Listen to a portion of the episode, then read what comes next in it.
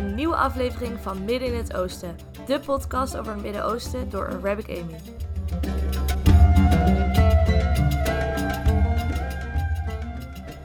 Tijdens deze aflevering heb ik een hele bijzondere gastspreker uitgenodigd, namelijk Jonathan. Jonathan maakt deel uit van de organisatie Stand With Us. Dit is een internationale organisatie gericht om publiek te onderwijzen over Israël. We gaan het vandaag dus hebben over Israël en Palestina. Jonathan, welkom.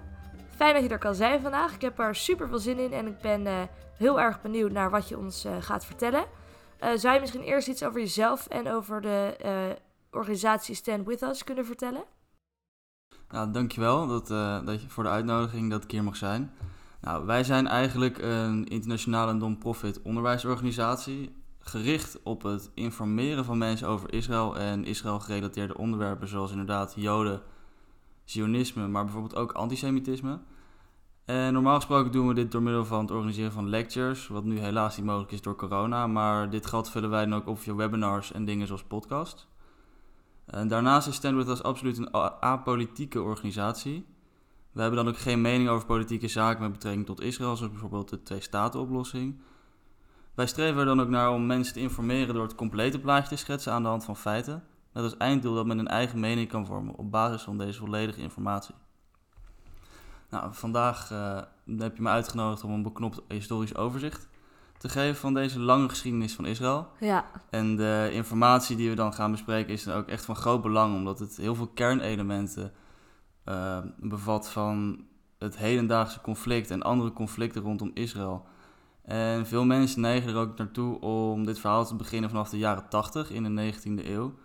Maar um, het is heel belangrijk omdat je, als we de huidige situatie goed willen begrijpen, dat we echt beginnen bij de oude geschiedenis. En om die niet uit het oog te verliezen, omdat die een hele grote rol speelt. Ja, dat uh, gaan we doen. Lijkt mij een goed plan. Verder, voordat we gaan beginnen, moet ik er eventjes bij zeggen dat deze aflevering puur bedoeld is om de basiskennis en informatie te delen over de situatie daar. Het is natuurlijk een heel omstreden gebied en eigenlijk juist daarom is het absoluut niet de bedoeling om een kant te kiezen of een mening te geven. Het is eigenlijk puur vanuit jouw standpunt uh, om de geschiedenis en de basisbegrippen te verduidelijken. Het is natuurlijk altijd lastig om zo'n gevoelig onderwerp te bespreken.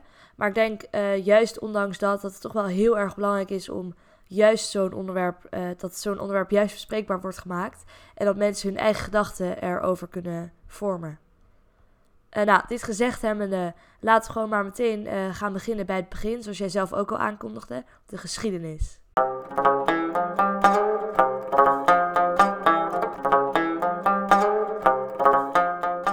Ja, we hebben natuurlijk over een heel groot omstreden gebied, het Heilige Land Israël. Uh, het is het heilige land voor drie monotheïstische geloven: het Jodendom, Christendom en de Islam.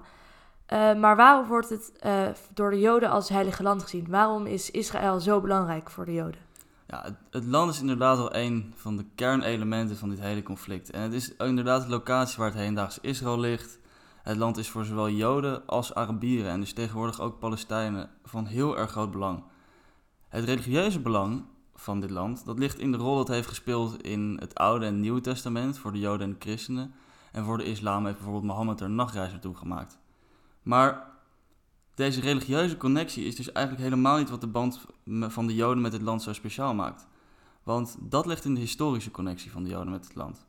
Het land Israël is de locatie waar de taal, de cultuur en de tradities van de Joden zijn ontstaan en gevormd. En het is dus de plek waar het Joodse volk is ontstaan. Eigenlijk zou je kunnen zeggen dat Joden inheems zijn aan dit gebied, want ze zijn er een volk geworden. Het Hebreeuws is er ontstaan en dat kwam tot bloei binnen dit land. En uiteindelijk is dit, deze taal ook gebruikt buiten Israël. En met het ontstaan van het huidige Israël is het Bijbelse Hebreeuws gemoderniseerd in het huidige Hebreeuws, wat er vandaag de dag nog steeds wordt gesproken. Daarnaast zijn de Joodse tradities daar ontstaan. En in de Talmud, dat is een verzameling van de mondelinge leer van de Joden, um, zijn er zelfs tradities die enkel en alleen in dit land kunnen worden uitgevoerd. Zoals bijvoorbeeld landbouwtradities. En zelfs de naam van de religie, de Joden, het Joodse volk, het Jodendom, is gekoppeld aan het gebied. Judea is de Hebreeuwse naam voor de regio waar tegenwoordig Israël ligt. Al met al is het land dus eigenlijk de locatie waar het verhaal van de Joden is begonnen. En hierom is het zo belangrijk voor Joden. Het is hun thuis. Je kan het Joodse volk en het Jodendom niet loskoppelen van het land. Dit is dan ook nooit volledig gebeurd. En er is al bijna 4000 jaar een Joodse aanwezigheid in deze regio. En meer dan 3000 jaar geleden ontstond het eerste Joodse koninkrijk onder koning David. Ja, dit geeft wel aan waarom Israël zo belangrijk is voor de Joden eigenlijk. En je zegt net zelf al dat de Joden al 3000 jaar aanwezig zijn in dit gebied. Ehm, misschien een beetje een brede vraag, maar hoe zag die periode eruit? Wat, wat speelde er toen? Nou, 3000 jaar geleden, dan hebben we dus over 1000 voor Christus, was er een Joods koninkrijk onder de Israëlieten. In deze periode was er, werd het gebied gekenmerkt door de opkomst van onafhankelijke staten. En zo ook het koninkrijk Israël, dat door koning David werd samengevoegd met het koninkrijk Judea. En zijn zoon, koning Salomon, breidde het koninkrijk verder uit en liet de eerste tempel op de Tempelberg bouwen in 960 voor Christus. En dit is heel belangrijk, want tegenwoordig zie je nog steeds een enorme conflict situatie rondom de Tempelberg, waar tegenwoordig de rotskoepel staat. En dat zowel voor de Joden als voor de moslims een enorm belangrijke plek is. Nou, daarna, na de Israëlieten, werd uh, het noordelijke koninkrijk van Israël werd verslagen door de Assyriërs. En in 586 voor Christus kwamen de Babyloniërs. Zij veroverden het zuidelijke koninkrijk. En Jeruzalem en de eerste tempel werden verwoest. En de meeste Joden werden verbannen naar Babylonië. Nou, waarom is de Babylonische ballingschap ook zo belangrijk? Omdat hier het terugverlangen naar hun thuisland eigenlijk al begon. Was dit het eerste moment dat uh, Joden uit hun uh, eigen thuisland werden verbannen? Ja, officieel verbannen ja. Dus er, werden ook al, er zijn ook al heel veel vluchtelingen naar uh, de Assyriërs. Eigenlijk de stammen die daarna vertrokken, dat, die zijn ook bekend gaan staan als de tien verloren stammen van Israël. Maar waarom die Babylonische ballingschap zo belangrijk is, is omdat op dit punt begint eigenlijk een klassieke vorm van Zionisme al. En Zionisme zal ik straks iets verder uitleggen. Ja. Maar uh, de, het terugverlangen naar hun eigen land begon dus niet pas in de 19e eeuw. Maar het is al eigenlijk al ruim 2500 jaar diep verworteld in het Jodendom.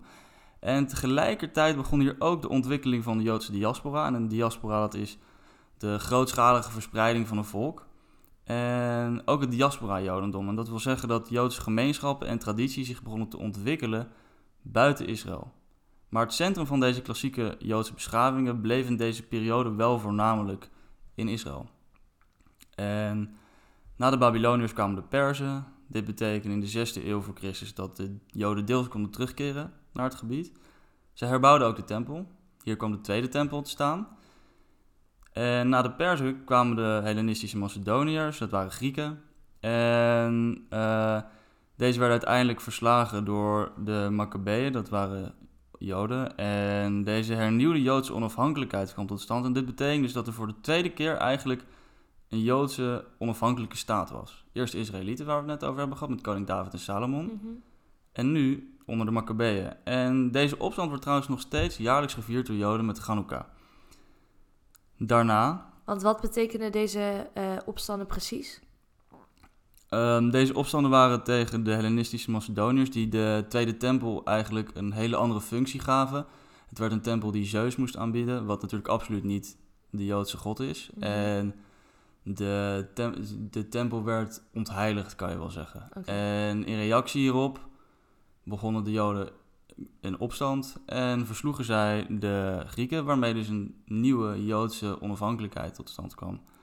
En dat is belangrijk, want Daarna kwamen de Romeinen. En in 63 voor Christus eindigde deze Joodse onafhankelijkheid dus. En dat betekende dat in het begin was dat nog wel, nog wel prima, want toen had je dus Herodes, een Romein. En die verbouwde de Tweede Tempel zelfs zodanig dat het zijn naam ging dragen. Het werd de Tempel van Herodes. En het werd een van de wonderen van de klassieke wereld. En deze tempel is belangrijk, want de tempel is het, was het middelpunt van het Jodendom. Het was een tempelreligie in die periode. En was het dan zo dat door de komst van de Romeinen dit middelpunt er niet meer was? Uh, uiteindelijk niet, inderdaad. Want in het begin nog wel. De tempel bleef bestaan en kreeg eigenlijk een soort van uh, makeover. maar uh, het jaar 70 na Christus bracht daar enorme verandering in. Want dat is het moment van de eerste Joodse opstand. En dit jaar functioneert eigenlijk als een soort nulpunt voor Joden. De Tweede Tempel werd verwoest. Het middelpunt van de hele religie werd kapot gemaakt. Veel Joden werden tot slaaf gemaakt. Als je vandaag de dag in Rome loopt, heb je de Titusboog. Die is in de jaren 80 van de eerste eeuw na Christus gebouwd. En daar zie je afbeeldingen op van hoe Joodse schatten werden meegenomen en Joden tot slaaf werden gemaakt. En dit is het punt waarop de diaspora zich eigenlijk verder uitbreidt. Dus die verspreiding van het Joodse volk werd steeds groter. Ehm, als we dan, dat was de eerste opstand. En de tweede opstand in 135 na Christus is ook erg belangrijk. Want dit is het punt waarop de Romeinen een hele ingrijpende beslissing maken voor het gebied. Zij hernoemen het gebied als Palestina. Wat we vandaag de dag nog steeds horen. De Palestijnen die zijn vernoemd naar de naam die het gebied destijds heeft gekregen, 135 na Christus. En het doel hiervan was om de band van de Joden met het gebied te ontwrichten. En ze kozen doelbewust voor deze naam, omdat de Palestina was vernoemd naar de Filistijnen. Dat waren uh, klassieke vijanden van de Joden in het gebied. En dat waren van oudsher Grieken. Nou, als Even we... ter verduidelijking, dat had dus nog niks met uh, nee, de komst dat waren islam geen moslims, dat, waren, uh, dat waren echt Grieken. En die hebben bijvoorbeeld de stad Gaza, waar, wat nu in de Gazastrook ligt, mm -hmm. hebben dat enorm tot bloei gebracht. Maar nee, dat had niks te maken nee. met, met moslims. Nog niet. Nee. Want die kwamen pas in de 7e eeuw. Met de opkomst van de islam op het Arabisch Schiereiland, waar tegenwoordig uh, Saudi-Arabië ligt, Mekka en Medina. En uh, daar ontstond de islam destijds. En daar kwam als gevolg daarvan een enorm islamitisch rijk. Wat zich zelfs heeft uitgestrekt tot de Spaanse Pyreneeën. Maar dus ook Israël, wat destijds dus de naam Palestina had gekregen. En als gevolg hiervan werden heel veel mensen bekeerd tot de islam. En dat is dan ook het moment waarop de islamitische connectie met het land begint. Um, we hebben het net gehad over de Joodse connectie. En hier begint de islamitische connectie. En voor Joden betekende deze islamitische heerschappij dat zij, net als christenen, eigenlijk tweederangs burgers werden. Ze kregen een dhimmi-status. Dat, ja, dat betekent dus tweederangs burger. En als gevolg hiervan moesten zij een speciale belasting betalen. En van alles maar ze mochten wel uh, hun eigen religie behouden. Ja, eigen religie ja. mochten ze behouden, omdat ze een zogeheten religie van het boek, boek wel ja. waren. Net als christenen. Andere religies hadden het een stuk minder makkelijk, helaas. Mm -hmm. Daar heb je het ook in NVO-podcasts over gehad. Ja. Um, maar het is dus belangrijk om te onthouden dat zowel Joden als moslims hebben allebei een connectie met dit land. Dat van Joden begon ruim 3000 jaar geleden, dat van moslims 1300. Maar dat is niet het belangrijkste verschil in deze connecties. Want het verschil is dus, zoals ik het uitgelegd, dat Joden inheems zijn aan dit gebied. Het is hun thuisland en is de enige plek op aarde waar ze zelfbeschikking hebben gekend en vandaag de dag nog kennen.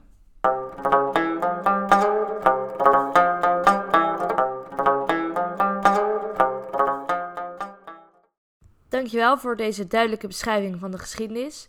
Uh, door de vele verschillende namen en zaken die jij al benoemde, is de complexheid vandaag de dag wel uh, te begrijpen.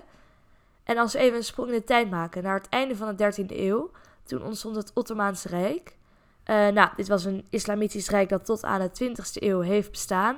En op zijn hoogste punt enorme gebieden in Noord-Afrika, Azië en Europa besloeg. Uh, maar wat betekende de opkomst van zo'n gigantisch rijk voor de Joden? Woonden zij nog steeds in het gebied Palestina? En hoe was het leven binnen het Ottomaanse Rijk voor de Joden? Nou, Um, in 1517 werd uh, Palestina veroverd door de Ottomanen. En dat was inderdaad, zoals je zei, een immens islamitisch rijk. Dat tot het einde van de Eerste Wereldoorlog een enorm gebied heeft beheerst. Een enorm belangrijke rol heeft gespeeld in de wereldpolitiek, maar vooral in de regionale politiek. Um, het is hierbij belangrijk inderdaad om te vermelden dat er altijd Joodse aanwezigheid is gebleven. Altijd. En de diaspora-Joden, het, het diaspora-Jodendom, dat breidde zich ook verder uit. Ja. Um, maar het is ook belangrijk om te beseffen dat er geen enkele autonome natie eigenlijk de functie van de Joodse staat in Palestina heeft overgenomen. Het is altijd een gebied geweest dat gefragmenteerd is geweest en dat onderdeel is geweest van grotere rijden, rijken en provincies. Maar er is nooit een nieuwe autonome staat dat puur en alleen het gebied Palestina of vandaag de dag Israël heeft bestuurd. Um, nou, dus het was altijd onderdeel van... Het is onderdeel van grotere rijken. Bijvoorbeeld het was, tijdens de Ottomanen was het uh, Syrië-Palestina. was de regio, de provincie waar het onderdeel van uitmaakte. Het heeft, het heeft altijd onderdeel uitgemaakt van andere rijken. En eigenlijk van 63 voor Christus tot straks in 1948, waar we uiteindelijk terechtkomen met dit verhaal... is er nooit een andere autonome staat geweest. Terwijl het dus continu eh, gezien bleef worden als de heilige plek, het heilige land voor de Joden. Ja, het, was, het was het thuisland van de Joden. Ja. Dat, dat is echt belangrijk. De, Ja. zeg maar, de religieuze connectie is ook belangrijk. Maar zoals iemand mij laat vertelde, ehm, God is geen makelaar. Hij is niet iets wat voor elkaar kan krijgen dat jij een eigen land krijgt. Ja. Ehm, zometeen zullen we het hebben over wat daar wel belangrijk voor is, zoals een juridisch, juridisch bindend document. Ehm, maar dat, krijg, dat komt zo meteen. Oké, je houdt ons Ehm, nog even in spanning. maar, maar inderdaad, wat, wat betekent het nou voor Joden dat het Ottomaanse Rijk er kwam? Nou, eigenlijk, het was vrijwel hetzelfde als onder ander islamitisch gezag. En Joden waren nog steeds tweederangs burgers, net als christenen. Ze hadden onder het milletsysteem wel een eigen manier om zichzelf te uiten. En het was alsnog beter dan het niet zijn van een eh, religie van het boek. Zo, en met het boek bedoelen we dus eh, inderdaad eigenlijk de, het christendom, de islam en het jodendom, dat hebben dezelfde god. Die gebruiken allemaal een boek. Ehm, maar ja, het was geen hele fijne behandeling voor joden in het gebied. Maar deze hele periode, tijdens de Ottomanen, zien we ook dat joden continu terug blijven keren naar Palestina. Zelfs dat in, de- in 1847 joden weer de meerderheid waren in Jeruzalem. En dit terugkeren was eigenlijk geen probleem voor de Ottomanen, totdat er eind 19e eeuw in Europa het moderne Zionisme ontstond. Wat was dit moderne Zionisme? En hoezo was dit eigenlijk problematisch? Nou, het is belangrijk om bij het bespreken van de opkomst van het moderne Zionisme rekening te houden met algemene ontwikkelingen in deze periode. Zo kwam het nationalisme op als ideologie. En eigenlijk gebeurde er niet heel veel anders dan dat het concept van nationalisme werd toegepast op het oude concept van Zionisme. Wat dus al langer bestond, het terugverlangen naar je eigen land. En Zionisme was dus eigenlijk niets anders, het moderne Zionisme was niets, eigenlijk niets anders dan een Joodse vorm van nationalisme. En hiermee het verlangen naar een eigen staat en zelfbeschikkingsrecht. En Theodor Herzl, dat was een Oostenrijkse Jood, wordt tegenwoordig de vader van het moderne Zionisme genoemd. En hij zag in dat de situatie van Joden in zowel West- als Oost-Europa uitzichtloos was. En op het eerste Zionistische congres in 1897 werd de insteek van het moderne Zionisme ook duidelijk. Zij zeiden: het antisemitisme is permanent. En het is wijdverspreid en is niet uit te roeien. Het zit vast in de Europese cultuur. Daarnaast is het Joodse leven in de diaspora zorgt ervoor dat Joden passief worden en zich aanpassen, volledig aanpassen en hun Jood zijn vak laten varen. Zij waren van mening dat alleen een Joodse staat veiligheid en welzijn kan bieden aan de Joden. En dat is heel belangrijk, want het komt straks nog terug als we het gaan hebben over het effect van de Holocaust. Maar eh, je zegt net dat in 1847 de meerderheid van Jeruzalem Joods was. Maar toch eh, was er de behoefte en het verlangen naar een nationaal thuis in Israël om dat te stichten. Eh, dus dit geeft dan eigenlijk aan dat door de, door de jaren heen de meerderheid zich heeft gevestigd op andere plekken in de wereld. En dat er dus op dat moment ook alweer andere volkeren leefden in het gebied wat ooit hun thuisland was. Ehm, dus het verlangen bleef bestaan, terwijl eigenlijk de meerderheid niet meer in het Heilige Land zelf woonde. Ja, absoluut. Dat is, eh, dat is een gevolg van, zeker in 70 na Christus, die eerste Joodse opstand. Als gevolg daarvan bleef er niet heel veel Joods meer over. Oké. Romeinen maakten Joden tot slaven, namen ze mee, de rest moest vluchten. En eigenlijk de Joden hebben zich over de hele wereld verspreid. Je hebt Joden echt Ja. over de hele wereld als gevolg van de, het verdrijven van Joden... wat eh, tot een gigantisch hoogtepunt kwam in 70 na Christus. Oké, dus de wens om eh, een eigen thuisland te hebben eh, is eigenlijk vanaf, de, vanaf 70 na Christus tot aan de 19e eeuw is er altijd geweest. Maar er is nooit eerder dan de 19e eeuw daadwerkelijk actie ondernomen om dit eh, te verwezenlijken. Ja, er is dus wel altijd, een, die, dat terugverlangen is altijd gebleven. Ja. Je had, je had, je had, eh, gedichten en liederen die dit, die dit altijd aantonen. Bijvoorbeeld met Pesach, dat is een hele belangrijke feestdag, eh, zegt men aan het einde van het diner volgend jaar in Jeruzalem. En dat is al iets wat dus duizenden jaren wordt gezegd, omdat men wil terugkeren naar Jeruzalem, naar Israël.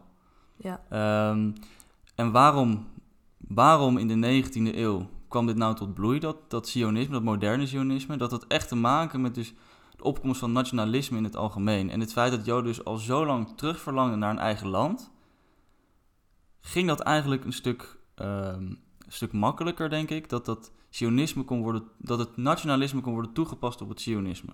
Maar zionisme is geen modern verschijnsel. Maar je hebt dus wel die moderne vorm van Zionisme met nationalisme, als in waarin echt uh, zelfbeschikkingsrecht wordt verlangd en het hebben van een eigen natiestaat. Gewoon een eigen staat. Dus het belangrijkste verschil uh, in het Zionisme, Zionistische gedachtegoed was eigenlijk dat ze de eind 19e eeuw echt die staat wilden hebben. Ja, het echt het verlangen naar een eigen staat. En dat zie je ook in de reactie van het Ottomaanse Rijk op, dit, uh, op het terugkeren van Joden. Um, maar het is wel belangrijk om hierbij te vermelden dat het Zionisme van Theodor Herzl, dus het moderne Zionisme, in eerste instantie vooral had te maken met de situatie van Joden in Europa. En um, dit had ook dus minder te maken met religie. Het had wel absoluut een aspect. En dat aspect zie je ook in de reden waarom er voor Israël wordt gekozen. Ja, het is de enige plek op aarde waar Joden zelfbeschikking hebben gekend. En het is de enige plek op aarde waar Joden ooit een thuisland hebben gehad. Maar dit had ook absoluut te maken met religieuze sentimenten. Want het blijft wel, zoals je ook al zei, het heilige land. Ja. Maar eind 19e eeuw, wat een hele grote, um, een hele grote boost gaf aan aan dit sionisme waren de pogroms in Oost-Europa. Pogroms, dat zijn uh, gigantische jodenjachten, waarbij enorme aantallen joden werden opgejaagd en vermoord. En in reactie hierop ontvluchten hele grote aantallen joden het tsaristische Rusland, waarvan een deel ook in Palestina belandde. En in eerste instantie was deze toestroom van joden naar Palestina helemaal niet problematisch. Het gebeurde namelijk dus al langer, zoals we dus zagen dat in 1847 Jeruzalem een Joodse meerderheid kende.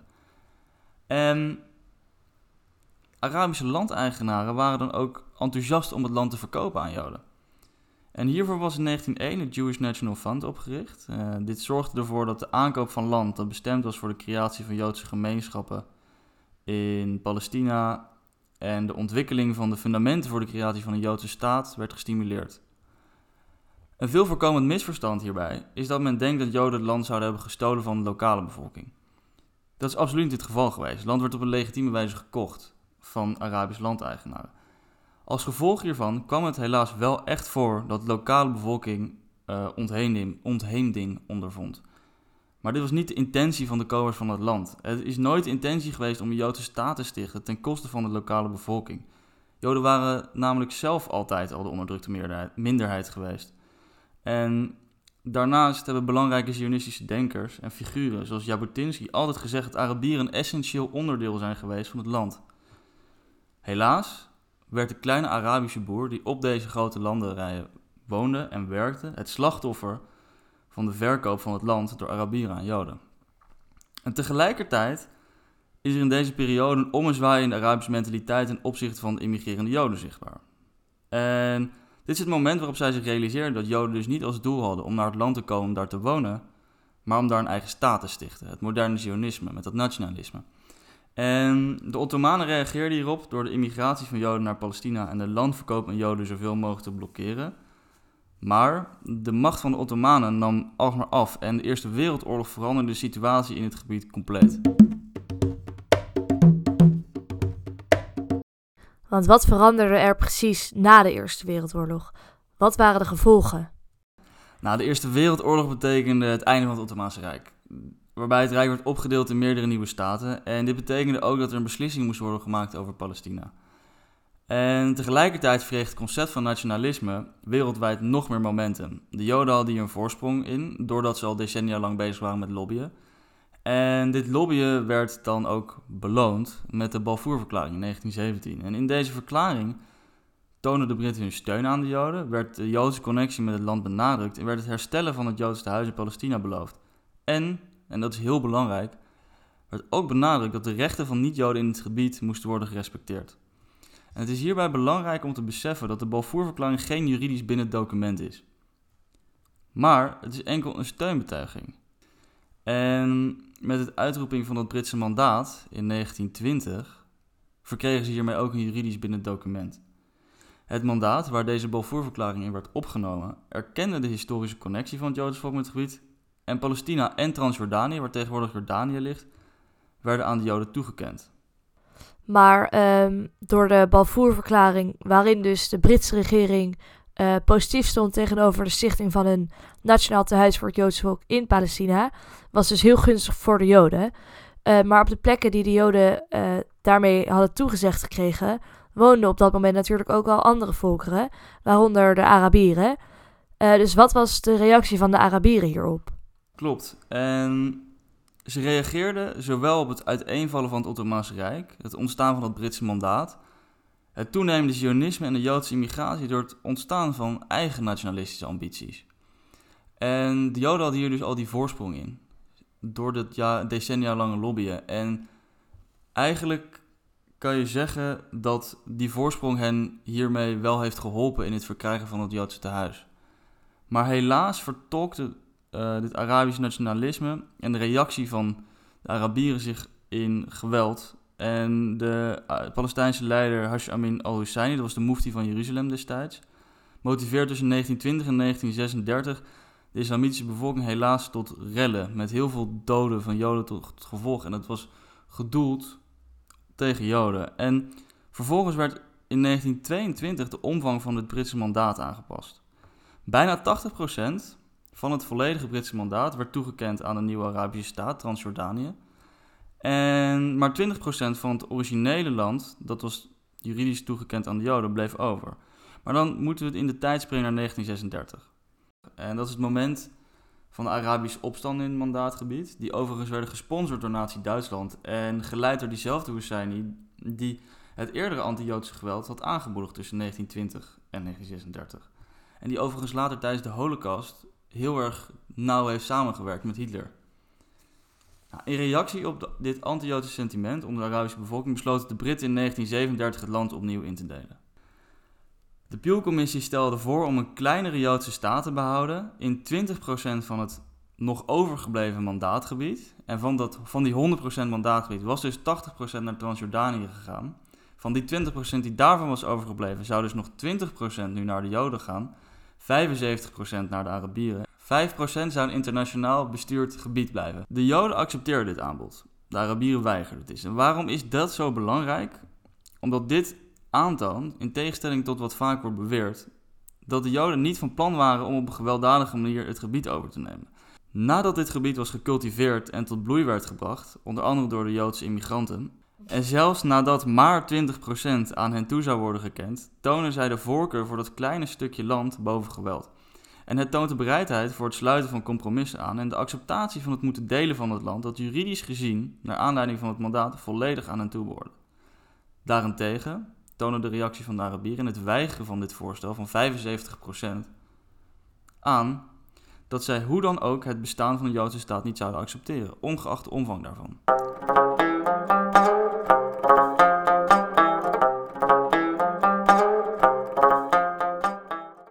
Daarna had je natuurlijk de Tweede Wereldoorlog en uh, de Holocaust.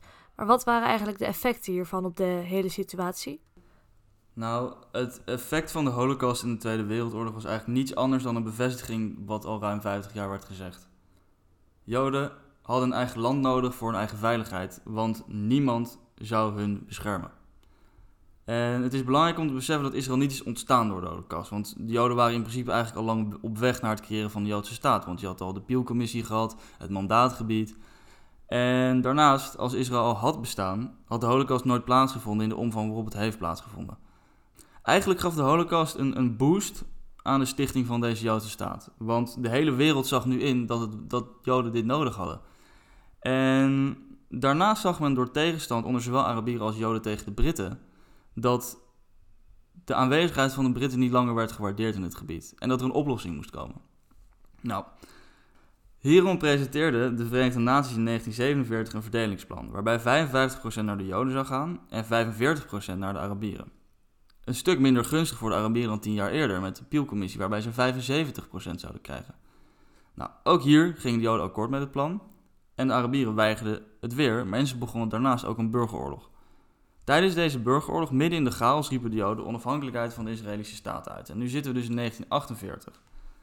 En in reactie hierop werd het land, met daarin veel mensen die net een genocide hadden overleefd, direct aangevallen door vijf Arabische landen. Met als doel deze staat uit te wissen. Nou, en waarom is dit punt nou zo belangrijk? Je ziet hier dat oorlog wordt verkozen boven een gegarandeerde 45%. En niet vergeten dat het eerdere 75% dus ook al was geweigerd. Nou, ook hier zie je een verschil in houding. En beide, beide groeperingen waren van mening dat het land hun toe zou behoren. Maar de een verkoos oorlog en de ander niet. En het is minstens net zo belangrijk dat oorlog een gok is. Arabieren gokten met hun 45% en begonnen een oorlog waarbij ze verwachten de volledige 100% te krijgen. Het Palestijnse vluchtelingenprobleem van vandaag de dag is dan ook een gevolg van deze keuze om een oorlog te beginnen en om deze gok te wagen. En het is hierbij ook belangrijk om te vermelden dat niet alleen Arabische vluchtelingen een gevolg waren van deze oorlog, maar dat er ook 850.000 Arabische Joden vanuit de Arabische wereld moesten keren naar Israël. En dit is niet belangrijk om een vingertje te wijzen, maar het is wel belangrijk om te kijken naar wat er is gebeurd. De ene kant heeft een oorlog gekozen, een gok gewaagd met het land dat hun was toebedeeld, en heeft die gok verloren. De belangrijkste punten um, om te onthouden aan dit verhaal zijn dat er dus en een Joodse en een Arabische connectie met het land is. Dat is absoluut, mag je niet vergeten. Beide volken hebben een, een, een connectie met dit land. Het belangrijkste verschil hierin is dat dit van de Joden een inheemse connectie is en dat het van de Arabieren voornamelijk een lange aanwezigheid in het gebied is. En Joden zijn dus niet, zoals vaak wordt beweerd, kolonisten, maar mensen die op een legale manier zijn teruggekeerd naar hun land en via het terugkopen van land dit hebben verkregen. Uh, bovendien is het belangrijk om niet te vergeten dat er al meer dan 3000 jaar een continue Joodse aanwezigheid is geweest in dit land. En dat sinds de val van de Joodse autonome staat in 63 voor Christus tot aan de stichting van de staat Israël geen enkele autonome staat in het gebied is geweest. Het is altijd onderdeel geweest van grote rijken en provincies. Voor wat betreft het Sionisme, dat is dus geen verschijnsel uit de 19e eeuw, maar dat bestaat dus al sinds het begin van de diaspora. En Zionisme is vandaag de dag nog steeds nodig. Toenemend antisemitisme toont aan dat de Joden een eigen land nodig hebben voor hun eigen bescherming. Daarnaast was het nooit de bedoeling om dit thuisland te stichten ten koste van de Arabische bevolking. Er is vaak genoeg vermeld dat Arabieren een essentieel onderdeel zijn van het land. Waarom dan Israël? Het is de enige plek waar Joden ooit een thuis hebben gehad. De religieuze connectie speelt absoluut ook een rol. Het is het heilige land. En er is natuurlijk die continue aanwezigheid geweest. Waarom zou je Joden bijvoorbeeld op Madagaskar neerzetten, waar nooit Jood is geweest, in plaats van in een land waar er altijd Joden zijn geweest? Nou, het is ook belangrijk om niet te vergeten dat vrede werd verkozen boven geweld. Het is zichtbaar in de compromissen die Joden bereid waren te sluiten. En dat het beginnen van een oorlog een gok nemen is. En het nemen van deze gok leidt niet alleen tot gebiedsverlies, maar uiteindelijk ook tot het Palestijns vluchtelingenprobleem.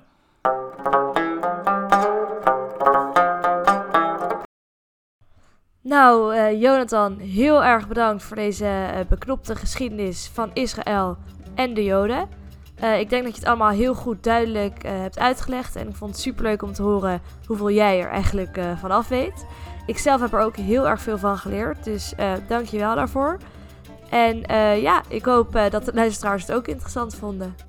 Ik wil je hartstikke bedanken voor de uitnodiging. Ik vond het erg leuk om te doen. En voor de luisteraars die geïnteresseerd zijn, bekijk onze website voor meer webinars over dit soort onderwerpen. En bezoek ook vooral onze lectures als corona voorbij is. Als je nog verdere vragen hebt of het ergens niet mee eens bent, laat het me vooral weten. Nogmaals, bedankt voor het luisteren en vergeet niet te abonneren, zodat je de volgende keer er meteen bij kan zijn. En vergeet me ook niet te volgen op Instagram. Midden in het oosten, laagstreepje podcast. Nou, tot de volgende keer.